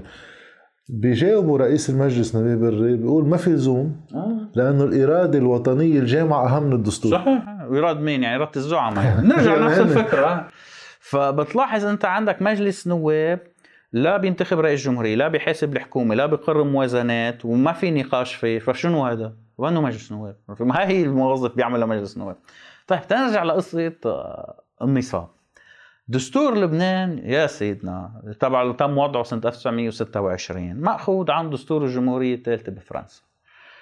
دستور الجمهورية الثالثة بفرنسا كان يقول إنه رئيس الجمهورية بينتخبوا مجلس الشيوخ ومجلس النواب مجتمعين سويا بشيء اسمه الجمعية الوطنية. وبلبنان سنة 26 كان عندنا مجلس نواب ومجلس مجلس شيوخ. شيوخ. ورئيس الجمهورية ينتخب سويا باجتماع مشترك بشيء اسمه المجمع النيابي أو الكونغري.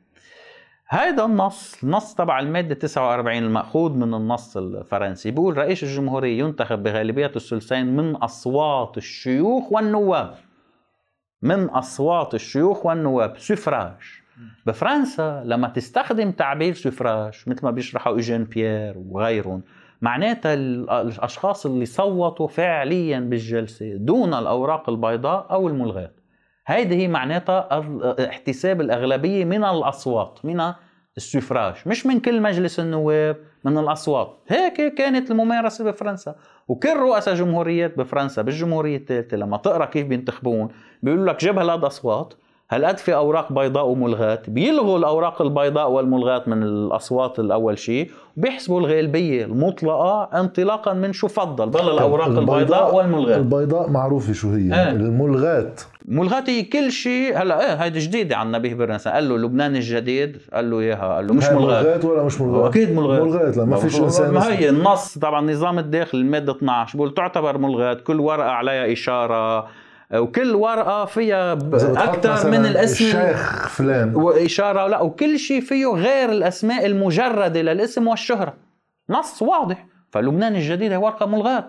شو جابها تعمل هون؟ عم بيعدها بالاكثريه فنبه بر قال لا مش ملغاة طب كيف فساعتها تحتسب إذا شلنا الوراق البيض وشلنا الملغاة صحيح. بيبقى في الأسماء الطبيعية. صحيح اللي انتخبت. اللي انتخبت. اللي هو منه 55 واحد انتخب. شو ما كان إيه هدول دغري هلا. 44 إذا كلهم بيض معوض و11 والباقي- لغيره. صح بيربح ميشيل معوض. دغري. أخذ. تلتين. من اللي صوتوا من دون الأوراق البيضاء. أو أو الملغاه فكان بيكون ميشيل معوض رئيس صحيح الجمهوريه مش بس هيك ما أنت بال 2014 لما خلصت ولاية ميشيل سليمان عملوا جلسة تتذكر؟ وبعدين وقفوا. ترشح. ربح. أخذ اصوات إيه 50 ما جا- جاب تلتين الأصوات، كله أبيض وجاب هذا. هو ربح. تخيل بغض النظر عن هلا الاشخاص أكيد ما كانت رح تصير هيك لأن لو يطبق. المعيار كان الكل. بيسمي أحسن ما. ياخذ 100% ما هو الهدف ما هو الهدف كمان ما بيقولوا إيجان بيير إنه اللي إذا بدك تحسب الأوراق البيضاء بصير عم تلزم إنك تنتقل عند عم تمنع الانتقال للدورة الثانية. يعني فأنت يجب إنك ما تحسب الأوراق تقدر تكمل الانتخاب بشكل طبيعي. فنحن عنا بلبنان جاينا النص من الجمهورية الثالثة بفرنسا اللي بتقول إنه الانتخاب يتم بمجموع الأصوات مش بمجموع كل الحاضرين مش بمجموع كل أعضاء مجلس النواب. وهيك كانت الممارسة بفرنسا بلبنان. بالدورة الثانية الأكثرية. إيه. تحتسب 65 نايب؟ لا إذا باللي أنا اللي عم بقول لك اياه بتحسب الغالبية المطلقة من أصوات اللي اقترعت. يعني كمان. مس إيه بتحسب أنت قد إيه في أصوات بتشيل الأبيضاء والملغات بده يجيب بده يجي رئيس. إيه ما هي هدفها. 25 ب صحيح 24 ما هي هدفها تحسم النزاع. أنت هيدا الهدف الآلية المادة 49 ليش بتعمل أول دورة؟ تنتقل لتاني دورة. إذا أنا بدي ضلني بأول دورة شو لا تعمل المادة الدستورية؟ بتقلي يجب الانتقال لتاني دورة. تتحسم النزاع. بشكل ديمقراطي. نايب بده يجي ما في ما يجي يعني بس ما هو إذا ما اجى بتقدر تعلق باول دورة لا ما في نصاب اذا بس شنو النصاب؟ هو الدستور ما فيه نصاب. المادة 49 ما بتحكي عن نصاب إنه النصاب هو التلتين، هيدي نحن عنا بلبنان بالحرب بعد ال 76 صار يقولوا اذا بنعتبر إنه رئيس الجمهورية بده ينتخب من تلتين كل مجلس النواب، مش مثل ما أنا عم بقول لك. فحكما يجب إنه يكون في 86 نايب حاضر انه التلتين وقتها ما كانوا ولا قد. إيه بده يكون في في حاضرين. ولا ما في يطلع رئيس. فإذا هي نصاب. فمشان هيك هي النصاب. فمشان هيك لما تتبنى التفسير تبعهم بتلاحظ قديش أنت عم بتبعد عن النص وتعمل فرضيات تتحافظ على اتساق نظريتك. بدك تفترض أول شيء في نصاب هو التلتين هو اللي منه موجود بالنص. بدك تفترض ثانيا إنه التلتين هي من كل مجلس النواب اللي هي كمان منا موجودة بالنص. وبدك تفترض مرة ثالثه بتعمل عندك مشكلة ثالثه طب أنا إذا عملت أول دورة وانتقلت على ثاني دورة شو بصير بالنصاب؟ لأنه ثاني دورة بس بدنا 65 حسب تفسيرهم هن حكمية في إيه 86 إيه إياها. ليش بدي ضل 86 لازم ينزل لل 65 فهون كمان في اختلاف. فتبني التفسير تبع انه انتخاب رئيس جمهورية من تلتين كل مجلس النواب بده الفرضيات الآتية إنه أول شيء تفسير الدستور من مجلس النواب يعني من كل مجلس النواب. ثاني وحدة إنه في نصاب اسمه تلتين ثالث وحدة إنه هذا النصاب بده يكمل لتاني ولا دورة. وحدة موجودة ولا بالنص. وحدة موجودة بالنص بينما أنا اللي عم بقول لك إياه اللي هو فعليا اللي كان مثل ما فهم سنة ال 26 ومثل ما كان مطبق بفرنسا كان التلتين من الحضور. وأكثر من هيك في نص بيحسمها للقصة. بسنه ال 1926 في المادة 79 من الدستور القديمة المنسية هي ما حدا بيعرفها. شوف شو بتقول المادة 79 من الدستور. هي آه، ألغيت مع هاي ألغيت باش. موجودة. لا يكون هاي ألغيت بال بع- مع أول تعديل صار لها بال 27 لا يكون التئام المجمع النيابي شنو المجمع النيابي الشيوخ والنواب. قانونيا ما لم تجتمع فيه الغالبية المطلقة من كل من المجلسين. يعني أنا المجمع النيابي بدي بس الغالبيه المطلقة من مجلس النواب ومجلس الشيوخ يجتمعوا تتصير في نصاب فنصاب المجمع النيابي شو اللي بينتخب رئيس الجمهورية؟ هي الغالبيه المطلقة. وتصدر قراراته بثلثي أصوات الحاضرين من الأعضاء. وبياخد قراراته بتلتين الحضور. النواب والشيوخ بيجتمعوا نصابهم هن الغالبيه المطلقة. وبياخدوا القرارات من تلتين من الحضور. شفت كيف؟ فشو عم تقول لك المادة يعني الرئيس الجمهورية سنة 26 لما انتخبوا شارل دباس اجتمع مجلس الشيوخ ومجلس النواب. شو كان نصابه؟ كان كان تلتين الشيوخ والنواب؟ لا كان الغالبية المطلقة. هذا ألغي بال الشيوخ وال- 27 إيه لأنه انتخب مجلس مجلس الشيوخ. الشيوخ. بس المادة بتشرح لنا نيتهم ب 26 عم بيقول لك النصاب هو الغالبية المطلقة اللي هي اليوم بعده النصاب مجلس النواب العادي هو الغالبية المطلقة 65 وكيف بتاخذ القرار؟ سنة التسعة سنة 26 كيف بتنتخب الرئيس بتلتين الحضور؟ يعني أنا يعني بس هون شرح شغله كمان. الغالبية المطلقة هي ال 65 من أصل ال 128 الغالبيه النسبية هو غالبية. صحيح بس الغالبية المطلقة أنت فيك تحسبها بطريقتين. فيك تقول الغالبيه المطلقة من كل مجلس النواب وفيك تقول الغالبيه المطلقة من المصوتين. مم. فالغالبية المطلقة كمان هي نسبية حسب على شو عم بقيسها أنا. فالغالبية المطلقة من كل مجلس النواب ثابتة. اليوم هي 65 بس الغالبيه المطلقة من المصوتين يعني الشخص اللي يجب أن ينتخب بده. ياخذ أكثر من نص كل باقي الأصوات بينما الغالبية النسبية بدك تاخذ بس أكثر مش مش ضروري من كل باقي الأصوات صح. مجتمعة يعني واحد أخذ أربعة واحد أخذ ثلاثة واحد أخذ اثنين الأربعة ربح إيه بينما الغالبية المطلقة من الأصوات إذا بقول في عشرة مصوتين بدك تاخذ خمسة وباقي أو بيض ستة. وملغات بدي ستة هاي هي الفرق. فحتى الغالبية المطلقة منا ثابتة حسب أنا على شو عم بقيسها. هل عم بقيسها على مجموع أعضاء مجلس النواب أو عم بقيسها على طيب المصوتين إذا فوتنا على هذا النقاش الهواجس الطائفيه مم. بقول لك إنه ساعتها الإسلام صحيح. بينتخبوا لنا رئيس. هاي خبرية ادمون رباط. هو اللي دخلها هيدي. قال إنه معقول رئيس جمهورية ينتخب بغالبية بسيطة. وقتها ليش كان إنه في لها معنى؟ أول شيء ما تنسى إنه بعد 43 مجلس النواب كان غالبيته مسيحية. كان بيتألف حسب قاعدة ستة بخمسة. فكان في نظريا إن المسيحية يجتمعوا لحالهم بلا المسلمين وينتخبوا رئيس. علما إنه بعد 1970 كان تقريبا شي 12 نايب من المسيحيه بينتخبون المسلمين أصواتهم يعني كانوا بيطلعوا بدوائر. بس على كل حال صرنا بالمناصفة. إيه هلا أول شيء صرنا بالمناصفة فأنت عندك يعني إنه هل معقول يجتمعوا ينزلوا 64 مسيحي لحالهم و64 مسلم لحالهم؟ أصلا بدهم واحد مع واحد مسيحي مع واحد مسلم تيصيروا 65 ويجتمعوا. بلا أصلا النبي بري هو عم بيدعي للجلسة أي جلسة فيها تجتمع بلاه يعني. بيقدروا يجتمعوا بهالشكل؟ أكيد لا. ثانيا شو بيقول لك إدمو رباط؟ إنه أنا آه، لخلق شرعية للرئيس. لأن إدمو رباط كان عنده فكر كان عنده عقدة. إدمو رباط كان قومي سوري بعدين كان قومي عربي صار بالثلاثينات.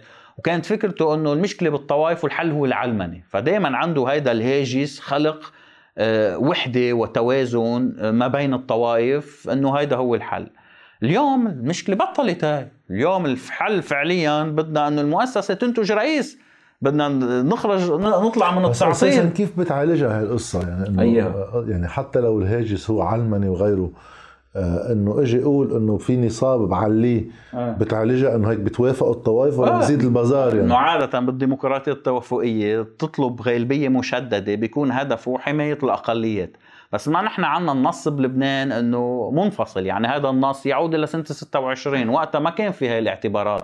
فهلا عم نعطيه هلأ عم نعطيه هذا التفسير لأنه تغير واقع المجتمع اللبناني. بس وقتها نفس نفس النص كان ب 26 وبعده اليوم يعني. ف يعني كان همه مشاركة المسلمين بانتخاب الرئيس صحيح. همه مشاركة المسلمين. هلا صار الهم مشاركة المسيحية بس هم مشاركة المسيحيين بيطلع بيقول لك نبي بري إنه أنا عم دافع عن المسيحية والبطرك قال هيك. يعني أصلا هيدي صارت بكل شيء. هي نقطة حلوة.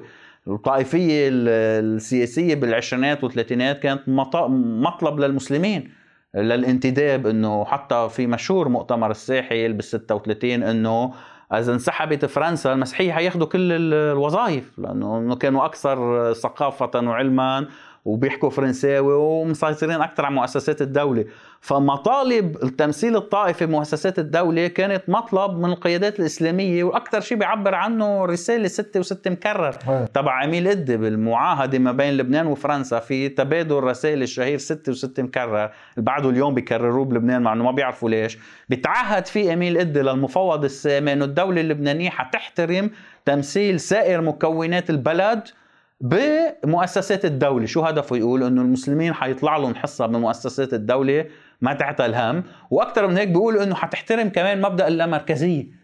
اللامركزية كمان كان من مطالب القيادات الإسلامية يعني. اليوم انعكست الأدوار. يخافوا مركزية إيه الدولة الدولة المسيحية. اليوم انعكست الأدوار. صارت الواحد لما يحكي عن اللامركزية أو الفيدرالية ومش عارفين شو معناتها بتكون يعني أشخاص يديرون بالفلك المسيحي.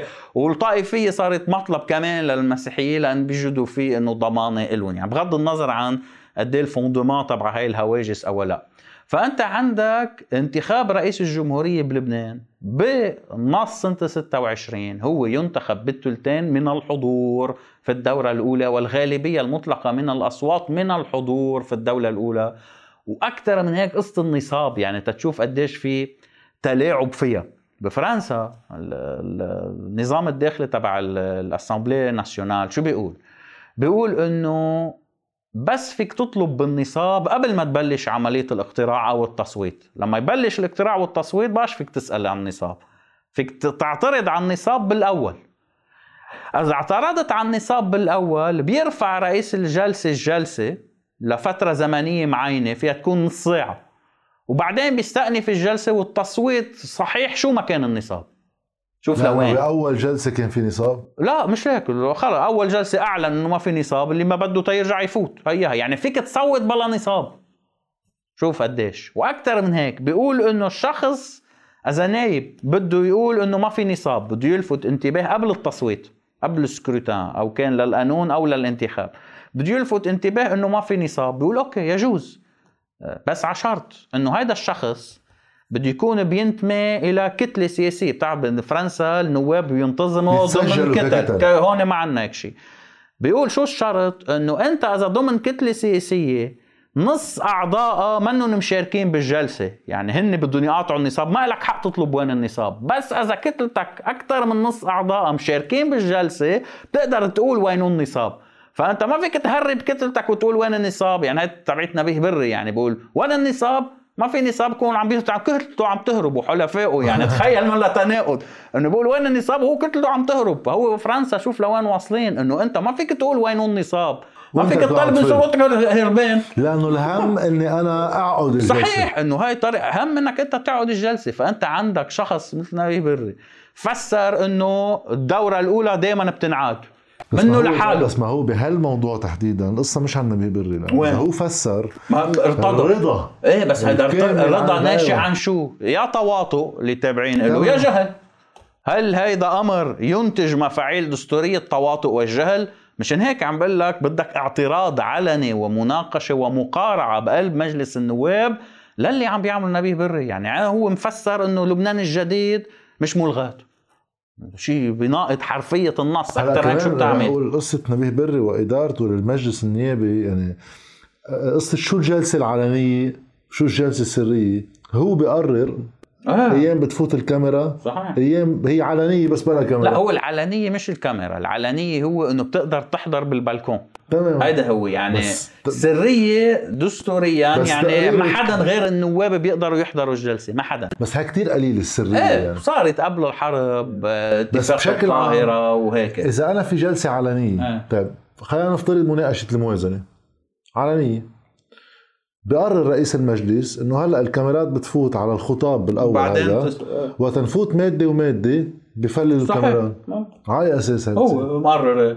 بفرنسا في شيء اسمه شان بارلمانتير في تلفزيون للبرلمان بينقل كل شيء كل نهار. في تلفزيون بس للبرلمان. محطة تلفزيونية بتنقل كل مداولات مجلس النواب كل شيء. فأنت عندك هون أكيد هذا قمع وتقليل من الشفافية يعني. لأنه بيسمح للصحفيين يفوتوا هاي علنية. طيب آه. أنا ليش أنا كنت صحافي reporter أطلع فوت أحضر الجلسه واطلع خبر الناس شو صار جوا؟ آه. طيب ما فيك ما هي ذاتها. صحيح. بس إنه هيدا هو دستوريا يعني العلنية هي بس سماح لحدا منه نايب يشوف شو عم بيصير. تمام. هاي معناتها هو أصلا العلنية هي شرط أساسي من النقاش لأنه هي اسمها métaphysique de la délibération. يعني فكرة النظام البرلماني إنه أنا لما أتناقش وأتعارض أنا وياك بقلب مجلس النواب من النقاش والتعارض تنتج الحقيقة. أنا بقول موقف أنت بتقول موقف نتناقش علنا قدام الجميع والحقيقة هي نتيجة تعارضنا العلني. فهيدي هيك الفكرة الفلسفية لنشأة النظام البرلماني. بس أنت لما صار عندك المداولات كلها بتصير بغرف مغلقة وباللجان اللي هي منا علنية.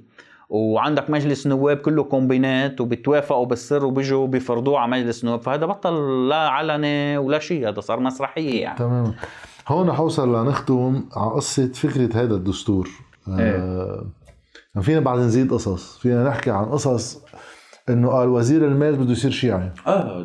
قررنا هيك. آه هاي بخبرك خبرك اياه عرف كمان بيقول لك. بيقول لك عرف وفي نص بالدستور بيقول إنه منع آه. إنه احتكار. صحيح الماده 95 لا تخصيص أي وظيفة لأي طائفة.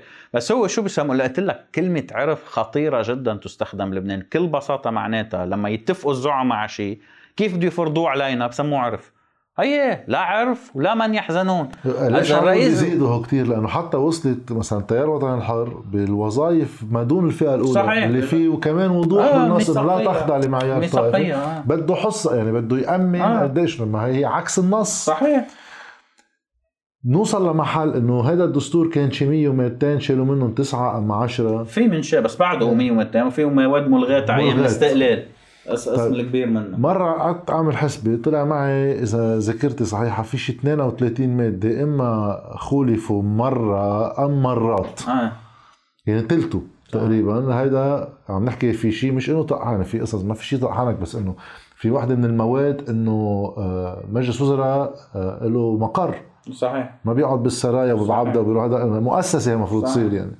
ما بنعمل له مقر. هيدي أوكي. في مقر وما عم بيستعملوه. استعملوه على أيام أمين لحود استأجروا على المتحف. هذا واستعملوه بال بعد ال 2000 آه، استعملوه وقتها كانوا يجتمعوا صار ينتقل الامين لحود على هاي الفترة. بعدين لما صارت الأحداث الأمنية بال 2005 له اسباب أمنية. صار بين السرايا وبعض بس في قصص مثل كل المواد المالية. يعني مخالفتها كلها سوا. آه. وعلى فترة مش استثنائية على فترة ممتدة على 30 سنة. واحد يسال حاله سؤال. هيدا شو بعد له قيمه؟ نحن. آه، سؤال مشروع بس قلنا أول قيمه له هي دائما إدانة السلطة السياسية. تماما. لأنه نحن إظهار الفرق الهو هو وعم نفرجي إنه نحن في مبادئ نحن نرتضي نكون ضمن دولة لأنه في مبادئ ملتزمين فيها.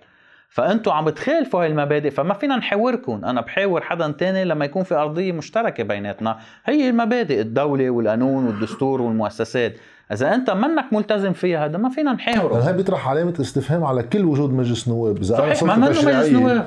وأنت فيك ما تطبق القانون ما قلت لك أنا هذا منه مجلس نواب مجلس نواب ما بيحاسب الحكومة. أمتى حسبها؟ أمتى عقد جلسة لمساءله الحكومة؟ آخر وحدة عملوها بال 2019 على الحريري. قبل وكانت مسرحية. لا بيحاسب الحكومة. موازنة. ما انسى. بيعمل. قطع حساب. ما, ما بيعمل. بيعمل. انتخاب رئيس. ما بيعمل. ما بيعمل. والتشريع سلق بنهار واحد. وما في بقى مناقشات علنية ما بتنقل. هذا شو؟ وهذه هي وظائف مجلس النواب بالدولة. منه مجلس نواب هذا مكان للسلطة لتحاصص السلطة. نبيه بري مسيطر عليه بقسم وكل واحد عنده شقفة منه لتوازن ما بين الزعماء. طريقة سيطرتهم على على مجلس النواب لا لا أكثر ولا أقل فهو منه مجلس نواب إلا بالاسم. يعني هي بس هون في سؤال صعب. آه. إذا المشكل هو هيك آه. لا شك في مشاكل بالنص. صحيح. بس إن شاء الله جبت أي نص. إذا في سلطة هي ما فوق النص. صحيح. شو الحل؟ عم تقول كل أنا دائما بقولوا إنه أحلى نص بالعالم أحلى نظام بالعالم. جيبوا أعطيهم لها حينزعوه لأنه هدول ما معودين يشتغلوا وفقا للآليات المؤسساتية. بس فعليا اللي عم نوصل له كخلاصة. هو إنه هو مش دولة. آه، يعني آه. إما ثورة صحيح. إما غلبة سياسية تفرض واقع سياسي صحيح. مختلف. صح ما فيني لك هيك. اثنيناتهم حيكون فيهم شيء عنيف يعني. بس آه، هودول دولة فيدرالية نظام رئاسي نظام ديمقراطي برلماني شو ما كان نظام ديمقراطي مجلسي هو كلهم دول كلهم مؤسسات. فأنا ما عندي مشكلة ولا وحدة فيهم كلهم فيك تطبقهم بلبنان بشكل أو بآخر. بغض النظر إنه شو موقفنا. الحديث إنه عن قصة سويسرا وبلجيكا. آه. إنه كمان هن بيصير عندهم فترات تتالف صحيح. بس بيبقى في إليات دولة. ما هي؟ ما عم تنشوف إنه المشكلة بنرجع للنقطة الأساسية. إنه نحن ما يجب أن نستخدم الدستور والمبادئ القانونية ما نشوف سلطتهم الفعلية شنو هي الزعماء سلطتهم الفعلية هن ورث الحرب. هن أمراء حرب زعماء ميليشيات أو أرباب أموال سيطروا على مؤسسات الدولة بعد التسعين واللبنانيين خضعوا وقبلوا بسيطرتهم لأنه كان في أول شيء رشونا عبر الدولار ب 1005 عبر 30 سنة قبلنا وكان في توافق دولي إنه سلموا هذا لبنان لهو الزعماء برعاية سوريا أحلى شيء يعني تم منح سوريا تكليف إعادة إحياء المؤسسات الديمقراطية بلبنان. هذا هو كان. يعني سوريا الأسد كان دورة إعادة إحياء العمل الديمقراطي بعد التسعين بلبنان. سلمت البلد للميليشيات المتحالفة معها والزعماء المتحالفين معها بال 2005 انسحبت. إجوا زعماء الحرب القديمين قالوا لهم نحن كنا برا أعطونا حصتنا. هي هلا وسميناها ميثاقيه ونزيد عليها أنه نحن بعتقد من الدساتير القليلة بالعالم هي انتقالية. إيه أنه في مادة بتقول أنه هذا كله المفروض يتغير. إيه أنه وهذا أنا يعني ما كثير بوافقه. يعني قلت لك برجع بركز على النقطة أنه اعتبار الطائفية السياسية بمعنى تمثيل ما للطوائف بمؤسسات الدولة هو المشكلة. وخطأ هو أوكي مشكلة نظرية. بس اليوم منا هي مشكلتنا تحديدا. مشكلتنا اليوم هي, مشكلة هي أخطر بكثير هي مشكلة مش بقصة. يعني أكيد أنا شخصيا بتسألني رأيي هيك المجرد عن هيدا بفضل نظام آخر. بس إيه. هل المشكلة بهيدا النظام؟ كنظام في له مشاكله بس صحيح. مش هي المشكلة واليوم تحديدا. بس وين بتصير هي مشكلة للتصدي؟ وقتها تستخدم هالشرعية لتبرير صحيح. المخالفة. بس أي شيء هذا هاو السلطة بيقدروا يستعملوا أي شرعية تانية بيقدروا يستخدموا شرعيه قومية دينية إثنية إيديولوجية. فايه بس بتصير مجرد خطاب. يعني هن حطهم بسياق ثاني حيستعملوا خطاب ثاني كنا عم نحكي بالبداية عن آه، آه، آه، بناء الأمة. بناء السردية والسامبوليزم اللي حواليها. بصير هيدي الدعائم بيواجهك المجتمع فيها أكثر من مخالفة الدستور. صحيح بس حمايتها بس أنت ما بتنسى أهم ما تنسى. إنه نحن ما بنعرف شو نية الدولة آه، آخر 30 سنة ما عنا دولة ففي خوف.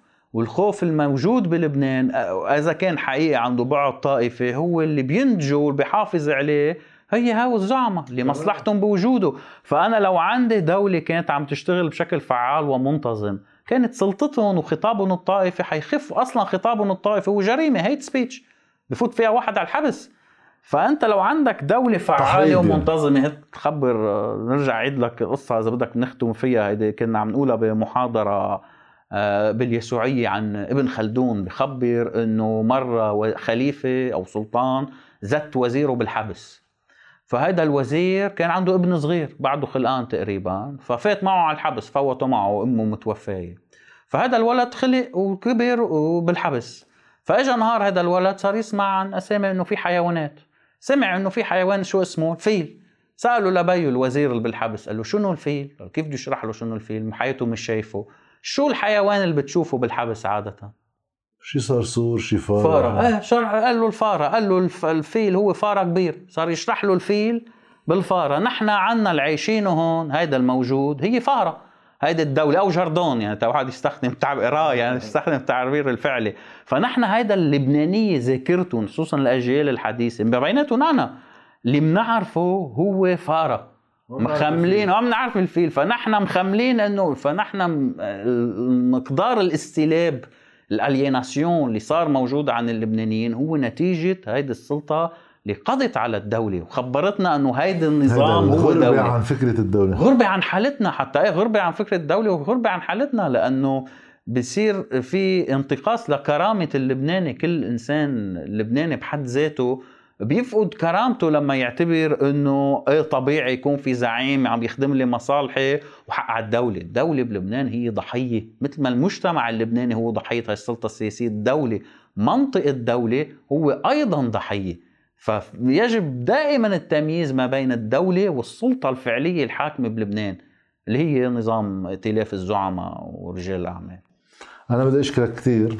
شكراً جاد، شكراً. إلى لقاءات. مقبلة. المشاكل إن شاء الله. بتقل بس ما شكلها. ما شكلها ما شكلها. بهمة الشباب مش عاد تقل يعني حتزيد ممنونك. شكرا جاد